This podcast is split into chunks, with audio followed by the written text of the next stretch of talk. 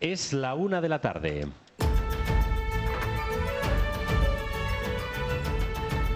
Crónica de Euskadi con Dani Álvarez. A Rachaldeón, el Lendakari Urcuyu se centra en tomar medidas para evitar que la economía se resienta ante el aumento de los precios y la crisis energética. Euskadi no es ni un oasis ni una isla, pero Euskadi sí proyecta una trayectoria distinta, una trayectoria propia. Vivimos tiempos de crisis y de incertidumbre. Sin el esfuerzo común de agentes públicos y privados, no será posible acometer la ingente tarea que tenemos por delante.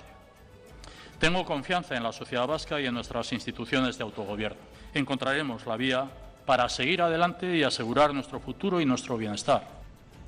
El Pleno de Política General ha sido el marco para que Urcuyo anuncie nuevas medidas frente al invierno económico que sufrimos en Europa, justo cuando se encona la actitud de Putin con respecto a Ucrania. Y atención, porque anuncia que intervendrá en dos temas que son centrales ahora mismo en el debate político, los impuestos y el precio de los alimentos. Rodrigo Manero. Urcuyu anuncia ayudas al sector de la alimentación para paliar la alta inflación, medidas que según nos dicen se están definiendo y que podrían ir al productor o al consumidor, pero con el objetivo de que al final lo note el ciudadano a pie en la cesta de la compra. En coordinación con las diputaciones también se extenderá al año que viene la deflactación extraordinaria del IRPF que se ha hecho este ejercicio para evitar que el IPC se coma la subida de los salarios. Al menos ha dicho el Endacari la inflación subyacente. También habrá ayudas a eficiencia energética y para eh, crédito a las empresas, todo ello valorado en 400 millones de euros. Este pleno que estamos viviendo en directo en Radio Euskadi desde el Parlamento Vasco, desde donde les estamos hablando, estaba llamado a ser, está llamado a ser todavía, el pleno de los pactos de país. Y el Endacari ha ofrecido no uno, ni dos, sino cinco pactos, entre ellos atención primaria y presupuestos. José Luis Fonseca. Sí, la palabra acuerdo estaba estos días en boca del Endaquerillo y ha vuelto a insistir en ella en su discurso. Invita a ensanchar acuerdos, deja sobre la mesa su intención de tratar de consensuar hasta cinco pactos de país ante una situación extraordinaria y sin precedentes. Escuchamos. Bost herria akordioak azaldu ditut. Aurrekontua, lehen mailako arreta, hezkuntza hitzarmena, erronka demografikoa eta gazteria, eta energia ituna.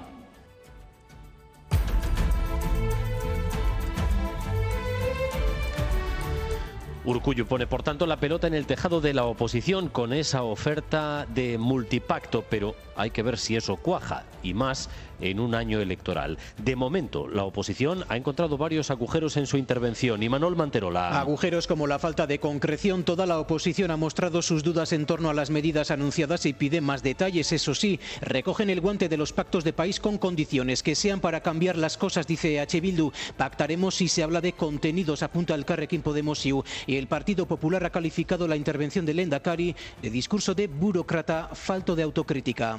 A las dos y media la oposición retoma el pleno y veremos si esos pactos acaban cuajando. De momento, en el Congreso de los Diputados, el PNV, Euskal Herria Bildu o también Esquerra Republicana han aprobado el techo de gasto y empujan a Pedro Sánchez a dar un paso firme para aprobar los próximos presupuestos. El PNV además ha desvelado ya el nombre de la que será su candidata a diputada general de Vizcaya, la sucesora de Rementería, la que podría ser la primera mujer diputada general, María Suárez. Elizabeth Echanove, 44 años, natural de Ochandio y desde el año pasado diputada foral de Administración Pública y Relaciones Institucionales. Será, si no hay sorpresas, porque las bases tienen la última palabra, la primera mujer yelzale candidata a diputada general de Vizcaya el anuncio de movilización parcial de la población y las amenazas lanzadas ayer por Vladimir Putin siguen marcando, como mencionábamos antes, la actualidad en todo el mundo. Mientras las protestas en Rusia son reprimidas por la policía y Occidente critica al presidente ruso, hoy uno de sus lugartenientes ha vuelto a amenazar con usar todo su arsenal. Óscar Pérez. Ha sido el expresidente y actual vicepresidente del Consejo de Seguridad ruso, Dmitry Medvedev, el que ha avisado Rusia puede utilizar todo tipo de armamento, incluido el nuclear, en caso de amenaza a los territorios que se sumen a la federación tras los referéndums del fin de semana. La movilización parcial advertido